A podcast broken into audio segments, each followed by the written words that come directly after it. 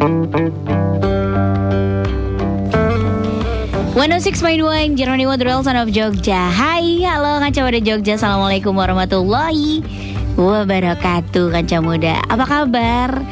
Sehat nih Kanca Muda Jogja di hari apa ini? Hari uh, Jumat tanggal 22 Desember 2023 adalah hari Ibu ya Hari ini kita ngobrol ngobrol-ngobrol lagi di sesi Soma sana sini soal agama barengan sama Ella Arlika dan juga Ustadz Munif Tauhid. Udah siap ngobrolnya? Kanca Muda Jogja udah siap mendengarkan tausiah ya. Update upgrade informasi dan ilmu secara agama di sini tempatnya di sesi Soma sana sini soal agama. Assalamualaikum Mbak Ustadz, selamat sore. Apa kabar? Waalaikumsalam warahmatullahi Alhamdulillah Kanca Muda. Sore hari ini gini di pas hari Ibu ya. Jadi kalau kita mau nengok ke belakang ya pastilah uh, siapa yang tidak tahu jasa besar dari seorang ibu adalah dia adalah wali ya. Jadi waktu itu ada orang kan sering ala berkah ketapanya wali songo dan beberapa wali-waliullah ada di Habae, para kiai, para gus, bahkan yang ngetren ngetren itu kan wali-wali kutub. Kalau wali kutub itu istilah dalam apa namanya di pesantren-pesantren di khazanah orang-orang suka ziarah itu wali kutub itu adalah waliullah, walinya Allah yang sangat keramat ya. Bahasanya itu sangat ampuh hmm. ya. Istilahnya sangat punya keistimewaan karomah yang luar biasa. Nah waktu itu di Gresik ada kiai, ada haba, habaib ya namanya Habib mm -hmm. Abu Segaf sudah almarhum ya. Makamnya di Masjid Jami Gresik. Kemudian beliau juga sangat luar biasa terkenal itu bahkan kalau haul itu semua Habib datang itu ada Habib Syekh ada Habib Novel Alaidrus ada Habib-Habib semua di seluruh Indonesia itu hadir bahkan beberapa yang dari luar negeri juga ikut hadir Gresik tumpah ruah kalau pas haulnya beliau itu sangat luar biasa dan karomahnya sangat terasa ya sangat terasa. Nah salah satu cerita yang ingin saya ceritakan dulu nanti ini beliau tuh salah satu ampuhnya lah itu. Suatu saat pernah uh, ada jamaah beliau itu uh, pamitan kepada beliau untuk berangkat haji. Habib uh, doain saya Bib saya mau ke tanah suci insya Allah dengan ibadah haji. Oh ya mudah-mudahan selamat lancar ya. Mm-hmm. nah amin. Dah dia berangkat. Haji dulu nggak pakai pesawatnya masih pakai perahu kapal mm-hmm. Ya, kemudian di tengah jalan ternyata ada trouble kapalnya itu yang kemudian dalam bahasanya sangat danger ya ada hmm. kemungkinan bisa karam gitu kan maka di saat itu kemudian pimpinannya nakoda itu meminta kepada seluruh penumpang para jamaah haji itu untuk berdoa untuk berdoa meminta keselamatan kepada Allah Subhanahu wa taala. Mereka berdoa, tapi tetap aja badannya belum selesai dan kapal sudah mau tenggelam gitu kan, sudah sangat mengkhawatirkan dan sangat cemas mereka semua. Tiba-tiba orang yang pamit kepada Habib Abu Bakar Asyikaf itu mm-hmm. uh, ngangkat tangan terakhir itu beliau ngangkat tangan dan berdoa, "Ya Allah, demi kemuliaan Habib Abu Bakar Asyikaf, saya mohon ridho dan pertolonganmu untuk menolong diriku ya Rob. Nah di dalam cerita itu tiba-tiba kemudian keluar dari laut dari air laut itu kemudian kaget si orang yang berdoa tadi ternyata Habib Abu Bakar naik ke kapal. Mm-hmm. Kemudian lalu ikut men, apa namanya mereparasi ya, ya sambil didoa-doakan kemudian dipegang-pegang mereparasi bagian-bagian tertentu yang dianggap bermasalah itu yang melakukan Habib Abu Bakar langsung. Mm-hmm. dia kaget loh dari mana ini kok bisa? Ternyata dari air. Kemudian setelah itu masuk ke air lagi hilang. Dan betul-betul kapalnya setelah itu terkondisi. Sampai dikasih hadiah itu si orang yang tadi mendoa berdoa dengan apa namanya dengan cara tadi itu dia kemudian dikasih hadiah sama pimpinannya kapal. Karena alhamdulillah atas pertolongan Allah ya berkat dia ya artinya melalui wasilahnya doa dia yang menyebutkan nama Habib Abu Bakar Sekaf hmm. itu kemudian Allah berikan pertolongan. Ya lewat Abu Bakar Sekaf yang kemudian ikut datang ke situ padahal kan jaraknya jauh sekali dari Gresik sampai situ. Dan impossible kan gitu. Waktu itu jelas secara kasat mata itu impossible tapi itu fakta terjadi. Nah kemudian setelah selesai mereka ibadah haji orang ini pulang mau ngasih oleh-oleh dan tentunya berterima kasih ya atas pertolongannya yang dilakukan ketika situasi genting di laut itu. Nah, begitu ketemu sampai belum sempat ngomong, Abu Bakar Asyikab langsung bilang sama dia dengan ada apa uh, uh, ujung jari beliau telunjuknya itu dikasih ke mulut beliau ya ke bibir beliau dan sambil mengatakan jangan kamu ceritakan kepada siapa pun Mhm. yang kemarin terjadi di laut udah dikasih tahu padahal belum ada GPS apa belum ada WA belum Iya. ada telegram langsung bilang jadi belum sempat ngomong dia langsung bilang pokoknya kamu nggak boleh ngobrolin tentang peristiwa di laut itu kamu baru boleh ngomong kalau aku udah meninggal udah dikasih Oh. pesan gitu maka Iya, iya, iya. betul begitu beliau sudah meninggal kemudian dia baru cerita itu kan dan termasuk ini wali kutub ini jadi beliau ketika difoto itu nggak ada yang jadi kecuali beliau yang berkehendak. Misalnya memang ada beberapa foto yang harus oleh pemerintah difoto waktu itu ya mau tidak mau beliau harus foto itu jadi.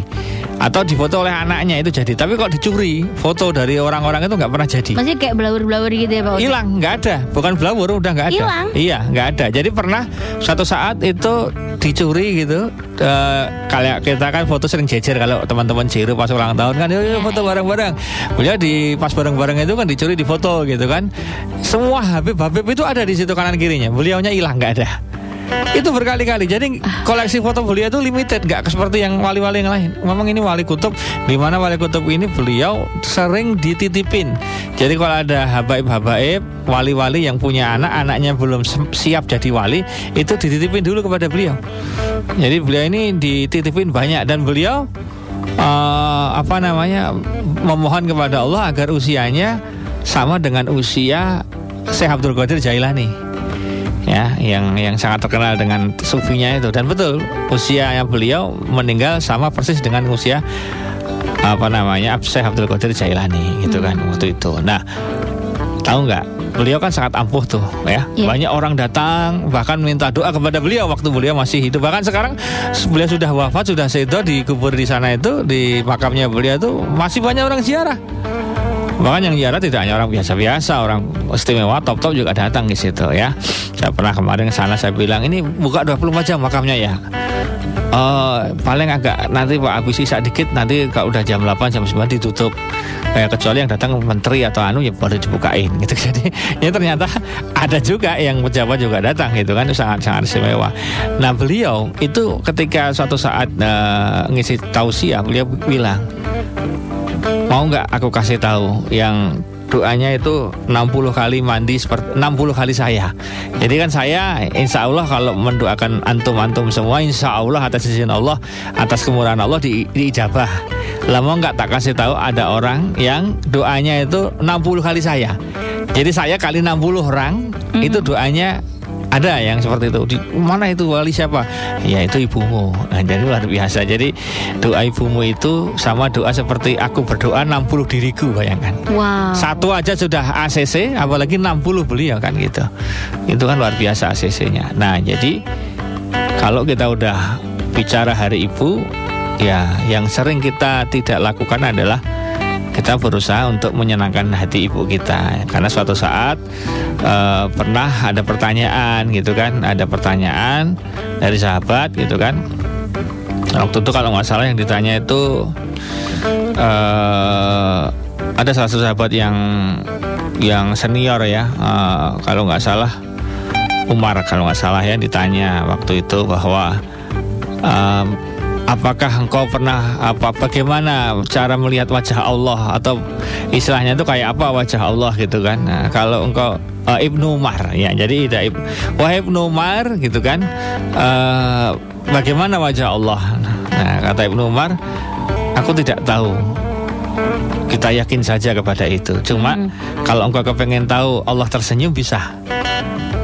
Nah, ternyata gitu. Jadi kalau engkau melihat wajah Allah, aku pun juga belum melihatnya. Ya, yang penting kita yakin bahwa Allah itu Ar-Rahman Ar-Rahim dan sebagainya. Cuma kalau engkau pengen membuat Allah tersenyum bisa. Ya, bahasanya kan kalau engkau lihat wajahnya susah karena belum bisa. Tapi kalau engkau mau melihat beliau Allah Subhanahu wa taala tersenyum, artinya Allah tersenyum itu gimana caranya? Gampang. Buatlah senyum ibumu, maka Allah tersenyum padamu. Nah, jadi kalau ingin lihat Allah tersenyum, maka senyumkanlah ibu kita. Dan ini praktek yang tidak mudah, hanya mudah, Mhm. karena e, di dalam banyak kesempatan kita sering sekali menggunakan ukuran-ukuran apa ya ukuran jadi gini loh sebetulnya orang tua kita itu adalah orang yang sangat istimewa beliau beliau itu tidak mau sambat kepada kita mm-hmm. tidak mau minta kepada kita bahkan bila perlu gimana caranya ngasih nggak minta sama anaknya walaupun kekurangan. Dan kita harus tahu itu faktanya yang terjadi. Ya kecuali orang tua yang memang suguh ket lahir ya lah ya. Jadi lahir nyekal mm-hmm. duit karena nyekal emas itu kan ada. Orang tua yang turun temurun itu istilahnya itu balungan apa balungan kuat wesi itu ada. Walaupun itu anda pasti takdirkan Allah punya orang tua yang kaya raya itu pun bukan berarti kemudian kamu nggak peduli ya jadi orang tua itu kalau kalau dia uh, sudah punya segalanya, dia masih perlu perhatian dari Anda. Mm-hmm. Apalagi orang tuanya pada posisi ekonomi yang low, yang biasa atau malah kekurangan. Nah itu kita gimana caranya juga harus turun tangan kepada orang tua karena orang tua mungkin sudah pensiun, udah purna, uh, uangnya ya dari anaknya kadang-kadang bahkan ada sampai orang tua yang masih bekerja.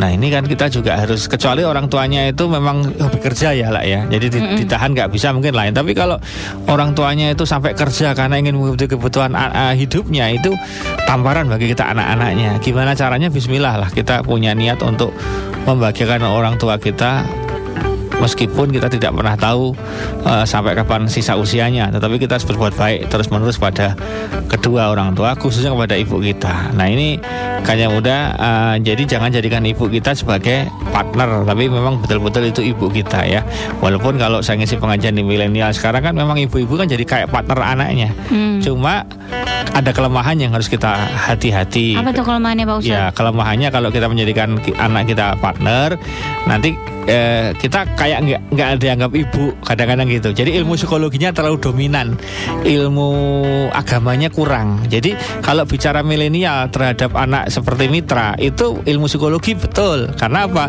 Biar anak curhat, biar anak cerita itu yes.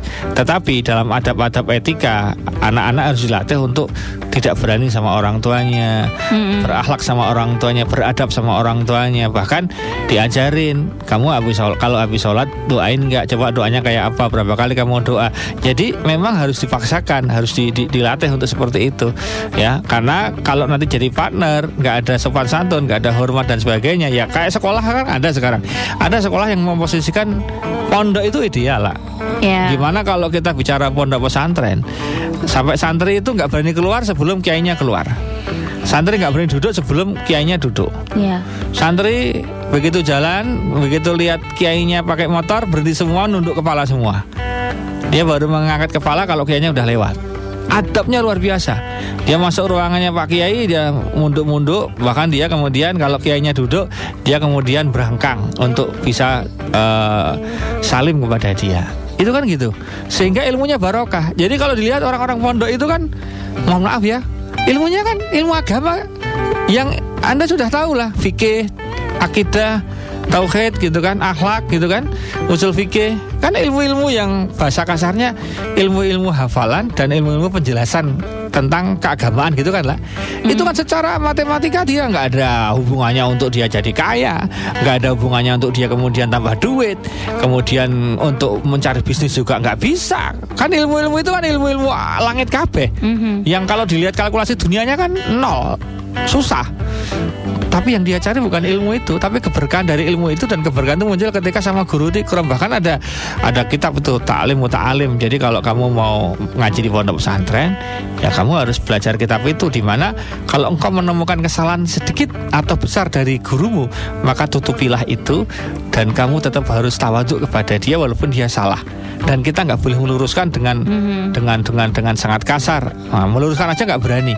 Ini terbukti. Saya kemarin ketika ada acara di pondok pesantren di daerah Jawa Barat di Ciamis ya. Nah, di Tasikmalaya bukan Ciamis di Tasikmalaya di pesantren Al Idrisiyah gitu kan. Nah yang ikut jadi jamaah kan santri-santri semua. Kebetulan yang mimpin sholat maghrib waktu itu pas itu pas maghrib lah.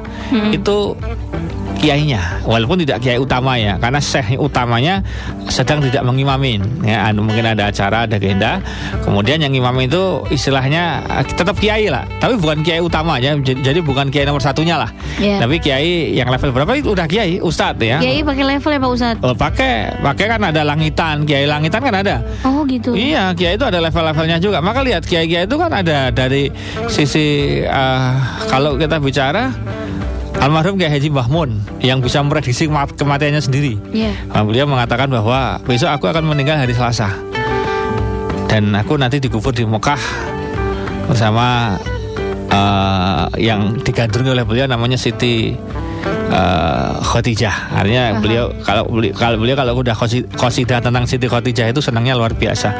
Jadi beliau ngirimi Al-Fatihah terus sama Siti Khadijah. Sehingga beliau ketika meninggal di dikuburkan satu istilahnya satu komplek dengan Siti Khadijah yang dia gandrungi, dia cintai ya.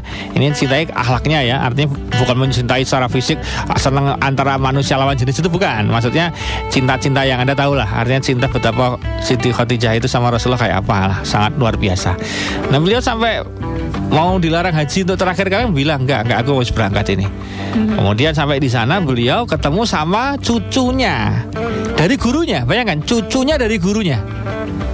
Dia itu di Indonesia uh, almarhum Habib apa namanya kayak Haji Mu- Maimun Juber atau Gus Mun itu kan itu kan sangat istimewa nomor satu levelnya kan. Nah, level level top lah.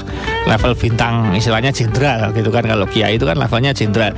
Begitu sampai di Mekah ketemu sama cucunya gurunya itu cium tangan. Dia mencium tangan cucunya gurunya. Cucunya itu langsung wah jangan gitu Gus. Ini antum lebih derajatnya lebih tinggi. Enggak antum antum kan guru cucu dari guru saya saya nggak berani. Bahkan berangkang ketemu sama itu berangkang cium tangan sampai rebutan nggak mau dicium itu gitu kan. Sampai akhirnya dia bilang Wib wah kan gurunya kan tolong doain saya agar meninggal khusnul khotimah aduh bilang sama Gus oh, oh, jangan Gus. Antum yang lebih tinggi levelnya? Enggak antum padahal masih muda itu. Namanya cucu kan?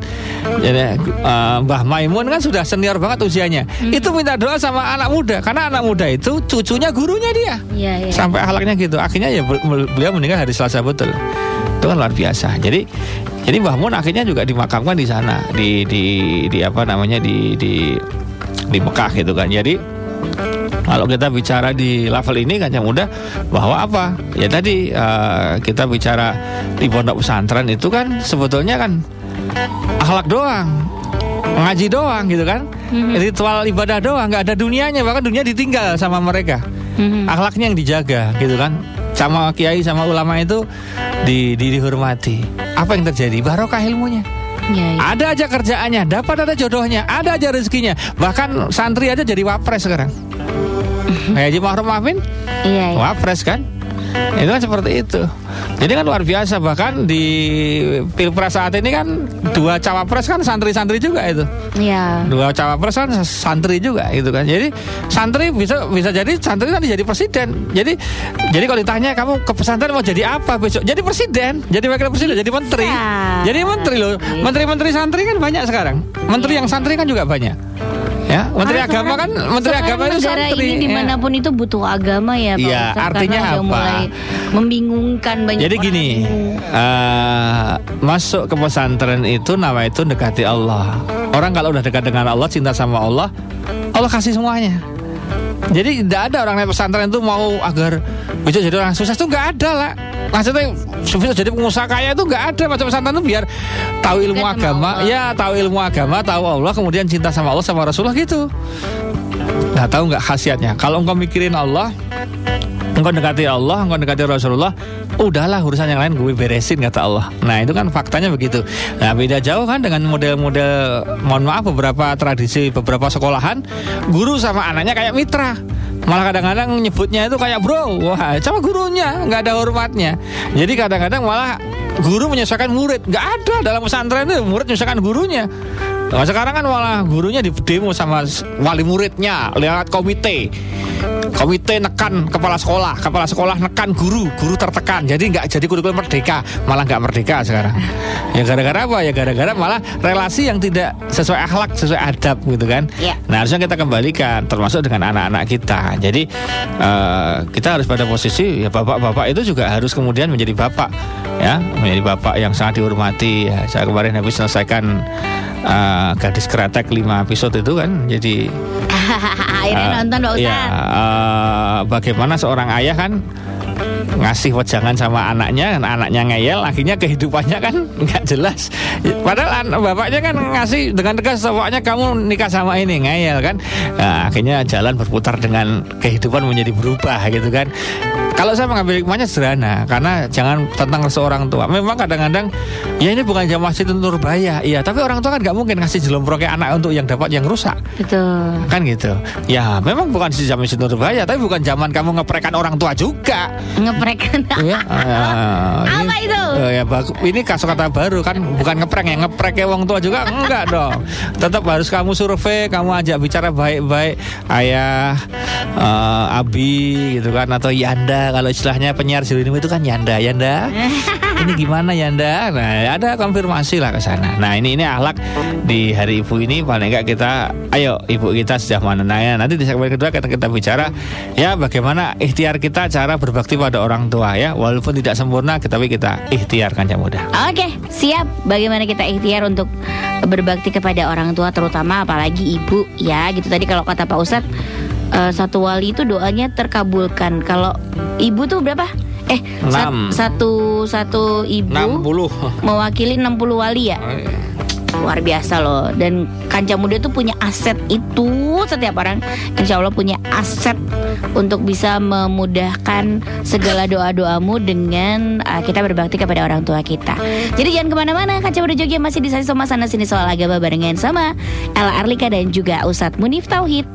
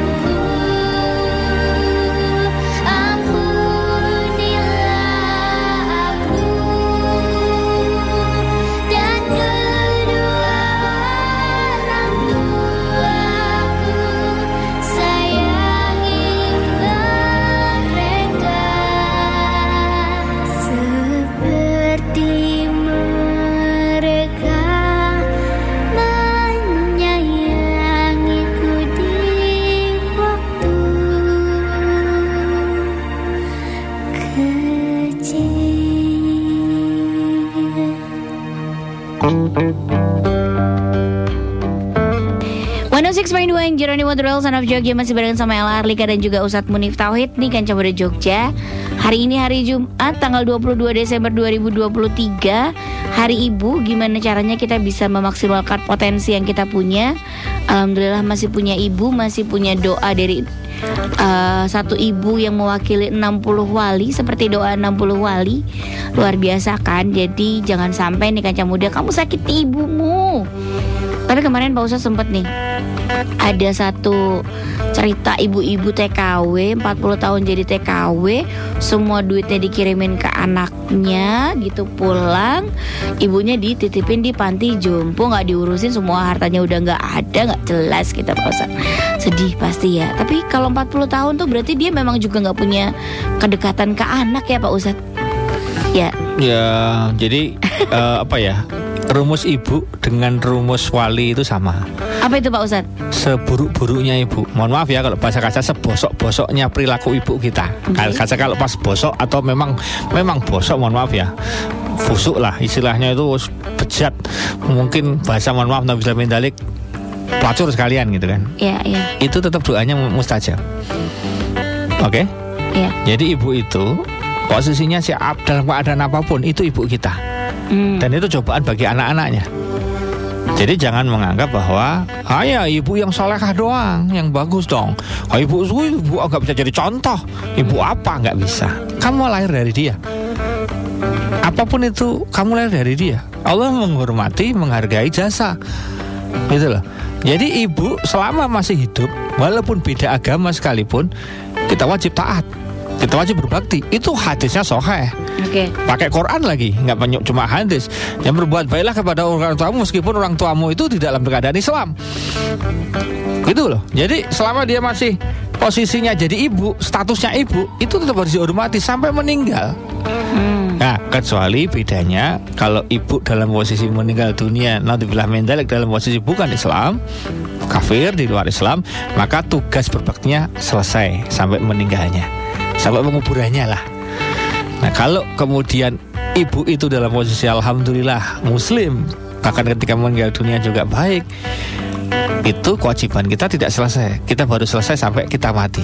Makanya ada hadis mengatakan ini bedanya perhatikan kanca muda dan kanca mudi. Untuk kanca muda tolong didengarkan. Anda kanca muda bakti ibu Artinya ini rumah sakit ya bakti ibu ya. Maksudnya bakti Anda kepada ibu itu sampai kapan? Sampai Anda mati. Jadi bukan ukurannya ibu kita, tapi sampai Anda mati sendiri. Entah Anda yang mati dulu atau ibu yang mati dulu ya sampai Anda mati. Artinya apa? Ketika ibu meninggal dunia, kamu masih berbakti tak? Sampai kapan? Sampai kamu mati sendiri. Kamu baru selesai baktinya. Ini untuk kanca muda, oke? Untuk kanca mudi. Ketika Anda telah menikah, maka baktimu berganti kepada suamimu yang pertama. Dengarkan itu penyiarnya Jerunimu itu, hostnya Caca Soma. Jadi Dengar. eh, eh, jadi posisinya baktinya kepada suami. Suami nomor satu, ibu bapak nomor dua. Ah, Nggak ada yang imbang, nggak ada, nggak bener imbang itu nggak bener, nggak bener. Karena beda. Arijalu kuamuna ala nisa. Kenapa ketika lahir laki-laki dua kambingnya, perempuan satu? Karena tahu laki-laki itu menjadi anaknya ibu, menjadi penggantinya bapak nantinya. Kalau seorang perempuan punya anak laki-laki itu akan dijaga sampai dia meninggal. Bahkan sampai meninggal setelah meninggal pun anak laki-lakinya masih berbakti terus. Bahkan menggantikan posisi suaminya ketika sudah meninggal ketika menikahkan adik-adiknya. Menggantikan banyak hal menggantikan dan menguasai mengkoordinir menjadi leader sampai dia sendiri meninggal dunia. Itulah laki-laki. Sementara perempuan beda Perempuan itu masuk surga bukan karena bapak ibunya. Dia masuk surga karena ketaatannya Karena ridhonya suami Bukan karena ridhonya orang tua. Bahasanya gitu loh. Walaupun ya nggak kemudian mentang-mentang Karena mencari ridho suami Terus ngepreke orang tua lagi ya nggak bisa lah gitu kan. Tetap tetap mendengarkan. Jadi kalau bahasanya ngomong Ngomong kan? Jadi saya agak prihatin nih sekarang kasus ini sedang merebak lah. apa itu Pak? Perempuan menceraikan suaminya bukan karena inisiatifnya, inisiatif bapaknya istri. Waduh. intervensi bapak ibunya istri. Bahkan yang nyumbang pengacaranya juga bapak ibunya istrinya. Dah kamu nggak usah sama dia. Lah ini kan neraka. Hmm. neraka dong. Makanya tolong dicatat kanca mudi nah ini. Yang sudah menikah terutama. Yang sedang tidak senang dengan suaminya khususnya.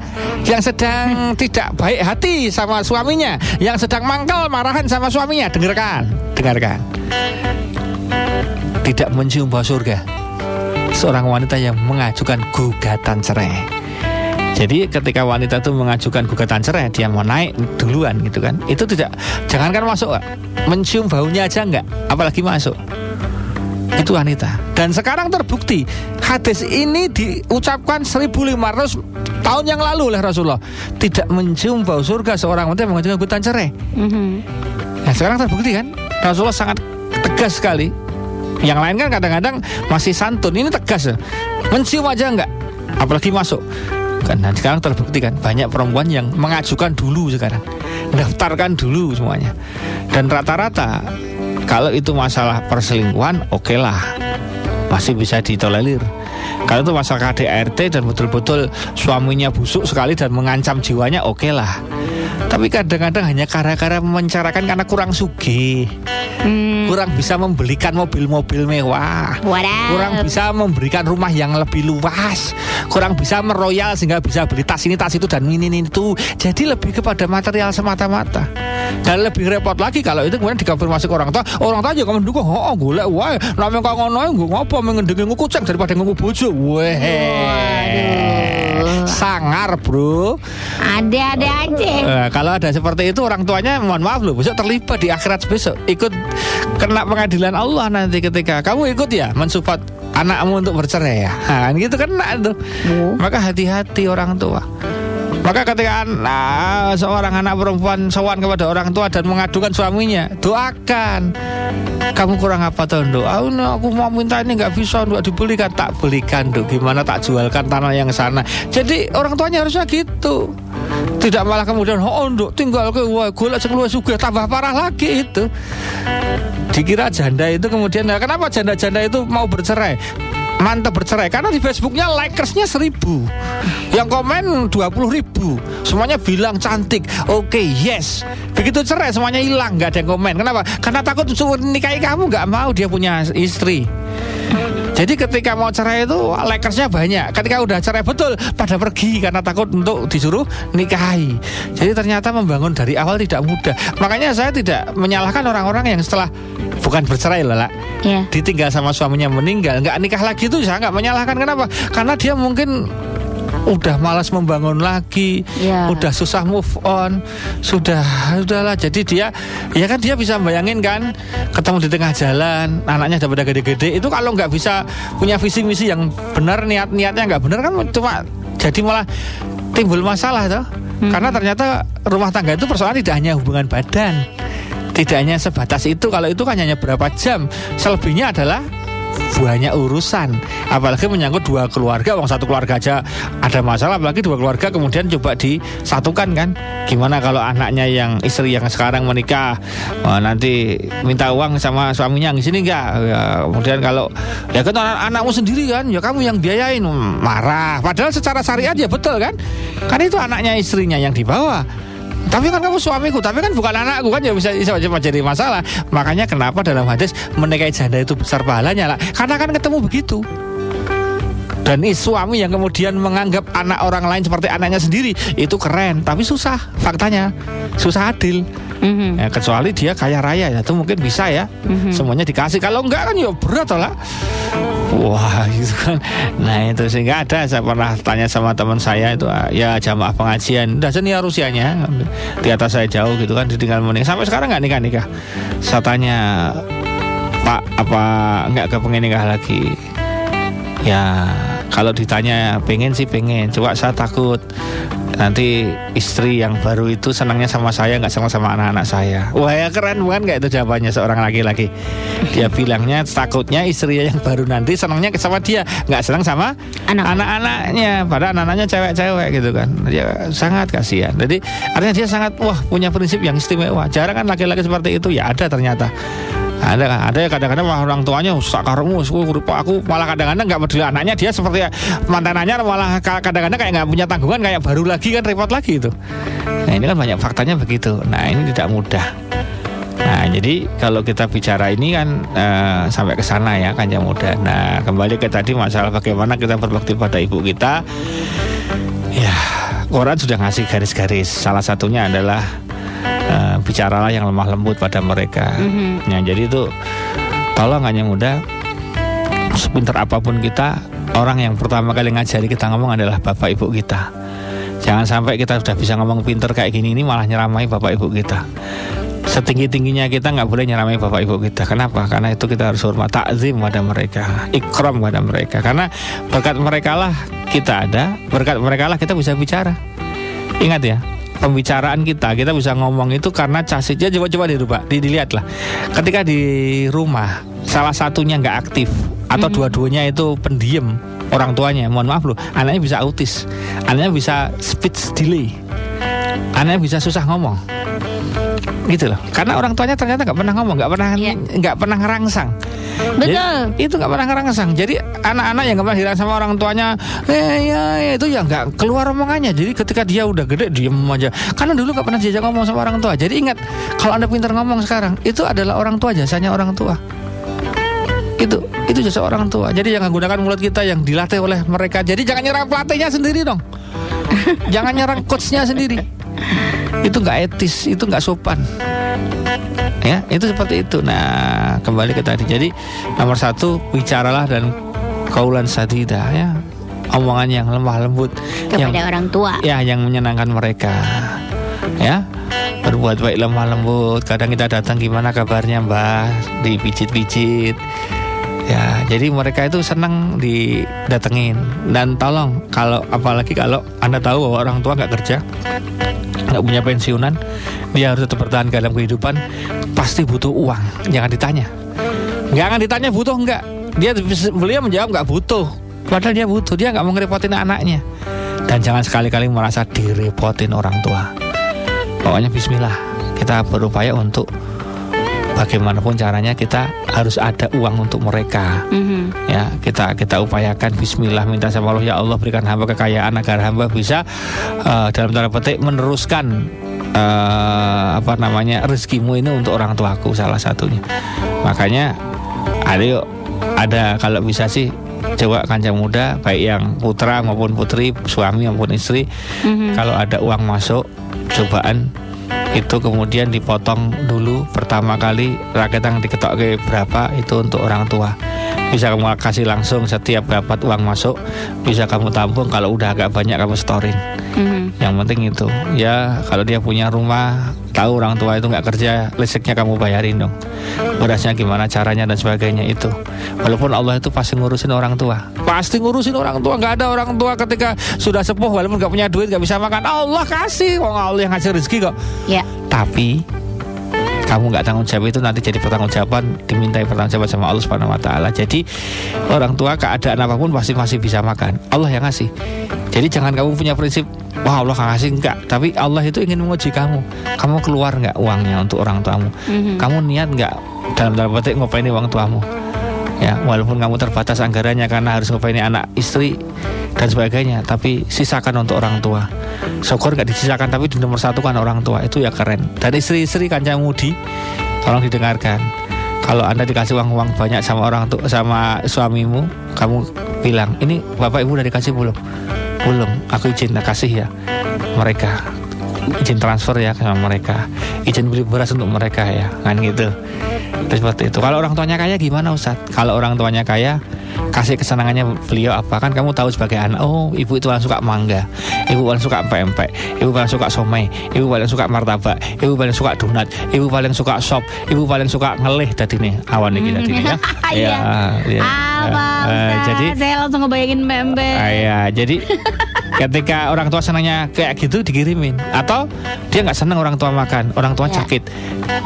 Bawain madu, habatus sauda, minyak zaitun, terapi, pijitin mereka, undangin orang yang bisa terapi. Itu wujudnya. Kalau orang tua kaya. Tapi kalau orang tuanya betul-betul keadaannya membutuhkan ya kamu harus turun tangan tuh. Ya listriknya, ya iuran-iurannya dan sebagainya. Itu kan yang mudah. Itu, ya. ya. Terus yang ketiga, jangan lupa engkau mendoakan setiap hari, setiap saat habis sholat. Allahumma fili wali walidayya warhamu makamar bin. Ketika Anda bangun di malam hari ya Allah, mintakan serius Pak sama Allah ya Allah. Izinkan orang tua kerja usianya diberikan kesehatan, keselamatan, perlindungan, ampunan atas semua dosa kebaikan fitunya ila akhirah. Izinkan aku sebagai anaknya bisa berbakti pada kedua orang tuaku dan membuat mereka tersenyum ya Allah. Nah dan seterusnya setelah kamu doain, doain, doain, doain ya. Jadi itu kan yang mudah. Nah bagi orang tua yang sudah difundut sama Allah, kata kuncinya ziarah. Oke, kamu ngirim doa habis sholat sampai nggak sampai. Tapi kalau kamu ziarah itu kamu berarti ada effort. Mhm. Nah effortmu itu yang ditulis sama Allah. Jadi selama kamu orang kamu selama kamu nggak pernah ziarah ke kamu orang tua, jangan sok banyak bicara. Kamu berbakti, datangin itu makamnya, pasti bahagia, pasti bahagia. Karena alam barzah itu di situ mereka kumpul. Begitu ada yang datang, apalagi kerabatnya, itu yang lain nangis loh. Kok kamu diparanin sama anakmu? Kok kamu dikasih doa sama anakmu? Kok anakmu setia banget sama kamu? Makanya ada seorang anak eh, ada di gambar di meme itu ada anak laki-laki pakai sarung, pakai pecis, pakai baju koko, baca yasin, kemudian merangkul makam ayahnya sambil menangis merindukan ayahnya yang telah tiada. Masa kita nggak rindu sama orang tua yang sudah meninggal kayak gitu? Kamu nggak pernah nengok kuburannya. Kamu nggak pernah mengenang jasa-jasanya. Mengapa ziarah itu laris? Karena ada energi positif. Tadi sebelum saya siaran ini saya dengarkan ada salah satu capres mendatangi cawapres ya, mendatangi makam salah satu wali gitu kan. Tanya sama wartawan, kenapa ke sini? Ya saya silaturahmi bla bla bla terus yang ke makam ini karena saya butuh energi spiritual. Energi spiritual sekaligus mengenang jasa para wali-wali dan perjuangan mereka yang tulus. Jadi kalau kamu doa di rumah itu biasa. Mhm. Seperti kamu doakan Allah barik lana. Begitu kamu datang ke makamnya itu terbayang bagaimana ketika kamu kecil digendong, terbayang ketika bagaimana kamu mau piknik gak punya uang ibumu menjual jam, terbayang olehmu bagaimana orang tuamu naik sepeda ngantar kamu sekolah sampai sepedanya kadang-kadang rusak, terbayang olehmu, terbayang, terbayang akhirnya kamu nangis ya Allah ampuni ibuku ya Allah nangis. Doanya sudah beda sama di rumah. Mhm. Itu kan yang mudah ya itu udah nggak usah nangis. Nangis nggak selesai masalah. Sekarang tisunya dipakai ya. Kemudian sekarang Bismillah. Kalau kamu orang tua jauh ditelepon video call seneng mereka ya. Besok bawain kesenangannya sowan kepada beliau datangin beliau. Apalagi yang rumahnya cuma dekat. Mhm. ya datangin lah seminggu sekali dua minggu sekali paling lambat. Jangan sampai sebulan sekali wong sama-sama Jogja. Kecuali ya orang tuanya mungkin luar Jawa ya oke lah. Tapi video call harus rutin orang- walaupun orang Jawa luar Jawa. Tapi ingat ya karena untung ada mudik di Indonesia. Untung ada mudik, tradisi. Kalau nggak ada tradisi mudik saya kira ya betul-betul nggak pulang itu. Iya. alasannya macam-macam. Ya alhamdulillah walaupun mudik itu hanya ada di Indonesia tapi setidaknya penyetus mudik itu besok dapat limpahan pahala itu. Waduh. berkat dia. Dulu yang menyentuskan mudik itu akhirnya apa? Banyak orang tua disilaturahmi sama anaknya. Tapi yang menyetuskan ketika lebaran harus pakai baju baru dan uang baru itu besok akan bisa masuk neraka kalau nggak hati-hati ya karena gara-gara dirimu itu malah sekarang mengadakan hal-hal yang tidak perlu dan kadang-kadang malah jadi pertengkaran itu. Siapa dulu yang Repot harus seragaman mulu ya. Oke. Ustadz lu. Oke gitu ya kan coba jogja. Jadi yang pertama adalah Kalau jadi anak itu Kaulan sadidan. Jadi Berbicara baik kepada orang tua kita. Terus kemudian uh, Kita perhatikan Orang tua kita Kita penuhi kebutuhannya. Kemudian kita doakan beliau Gitu kita datangin Gitu kan muda.